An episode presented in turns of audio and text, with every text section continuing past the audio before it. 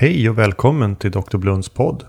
Det är jag som är Anders Silén och eh, det här är eh, avsnitt eh, 21.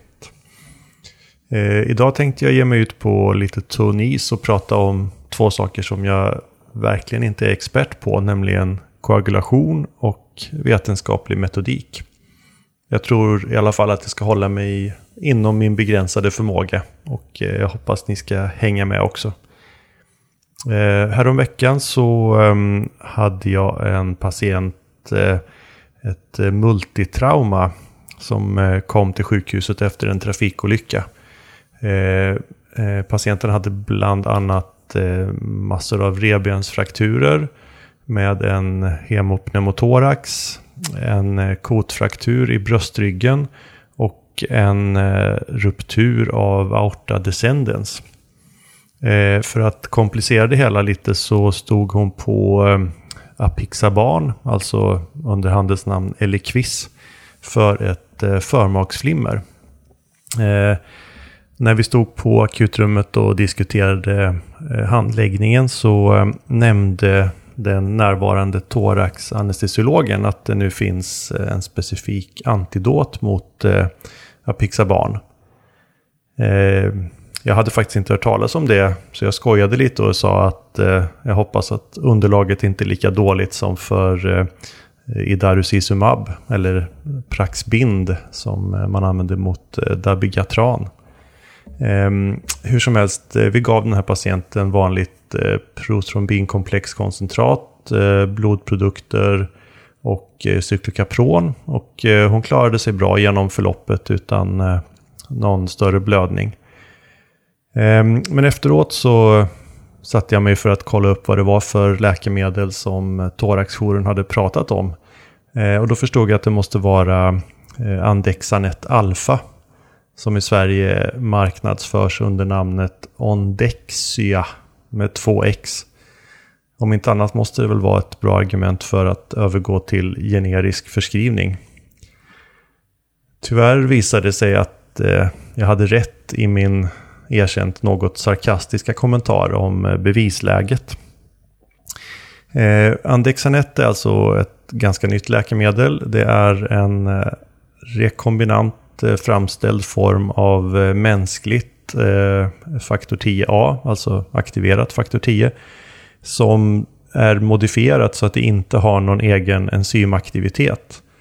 Så det kan inte göra det som faktor 10 i vanliga fall gör, alltså aktivera protrombin och eh, medverka i koagulationskaskaden. Däremot så binder den här molekylen starkt till eh, faktor 10A-hämmare. Eh, och i Sverige så rör det sig i princip alltså om Apixaban, eller Eliquis, och Rivaroxaban som säljs under Xarelto. Och genom att binda till dem så hindras de då från att utöva sin antikoagulationseffekt. Eh, halveringstiden för Andexanet alfa är eh, kort, ungefär en timme effektiv halveringstid. Eh, och när det försvinner så frigörs den här antikoagulansen igen. Eh, och därför så måste man ge det här som en bolus och sen följt av en infusion under två timmar. Eh, och beroende på vilken dos eh, patienten står på av eh, antikoagulantia och när den senaste dosen togs så ger man antingen en låg eller en hög dos av Andexanet alfa och det finns en tabell för dosering i fasttexten. I de prekliniska studierna så har man visat en minskad eh, antifaktor 10A-aktivitet med drygt 90 procent. Ja, låter det bra? Ja, lovande i alla fall. Va? Eh, Andexanet godkändes eh, förra året, eh, först i USA och sen i Europa och Sverige. Och det är baserat på en enda studie. Eh, den studien heter Annexa 4. Och jag tänker inte ens försöka förklara hur den förkortningen utläses. Ehm, den publicerades i New England Journal of Medicine i april förra året. Ehm, man hade i studien 352 patienter som eh, kom med akut blödning. De flesta hade intrakraniell blödning eller GI-blödning. Eh, drygt hälften stod på Apixaban. Eh, 36% stod på Rivaroxaban. Och resten stod antingen på Edoxaban som i Sverige heter Lixiana. Eller på Enoxaparin, alltså Klexan. Eh, från början så exkluderade man eh, alla patienter som hade en förväntad överlevnad på mindre än en månad. Eh, de som hade intrakraniell blödning och en Glasgow Coma Score under 7. Och de patienter som planerades för kirurgi inom 12 timmar. Av de patienterna som då blev kvar så var det 254 stycken som efter, vid eftergranskning visade sig uppfylla alla kriterier. Det vill säga bland annat blödningens svårighetsgrad och eh, den nivån av antifaktor 10A som de hade vid ankomst till sjukhuset. Ehm, de 254 patienterna behandlades då enligt schemat som jag nämnde ovan. Och eh, då kunde man uppmäta att eh, antifaktor 10A-aktivitet i blod minskade med eh, drygt 90 procent vid slutet av bolusdosen.